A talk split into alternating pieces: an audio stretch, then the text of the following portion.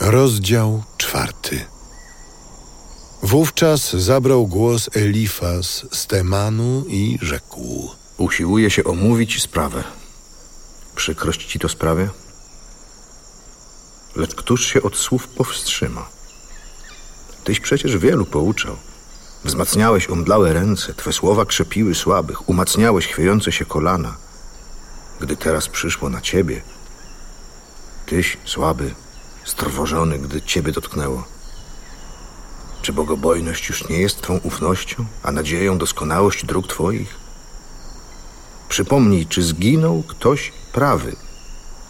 Gdzie sprawiedliwych zgładzono? O ile widziałem, złoczyńcy, co sieją udrękę, plon z niej zbierają.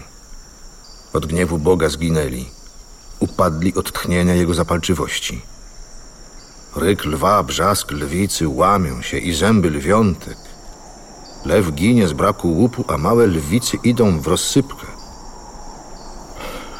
Doszło mnie tajemne słowo.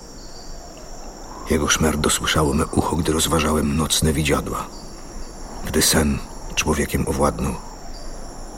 Strach mnie ogarnął i drżenie, że wszystkie się kości zatrzęsły.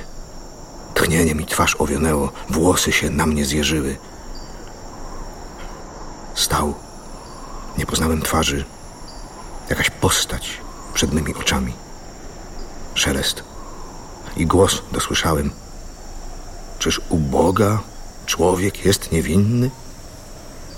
Czy u Stwórcy śmiertelnik jest czysty? Wszak on sługom swoim nie ufa i w aniołach braki dostrzega. A cóż mieszkańcy glinianych lepianek osadzonych na mule? Łatwiej ich zgnieść niż mola. Od rana do zmroków wyginą, bez sławy przepadną na wieki. Czyż nie zerwą się liny ich namiotów? Umrą, lecz nie w mądrości.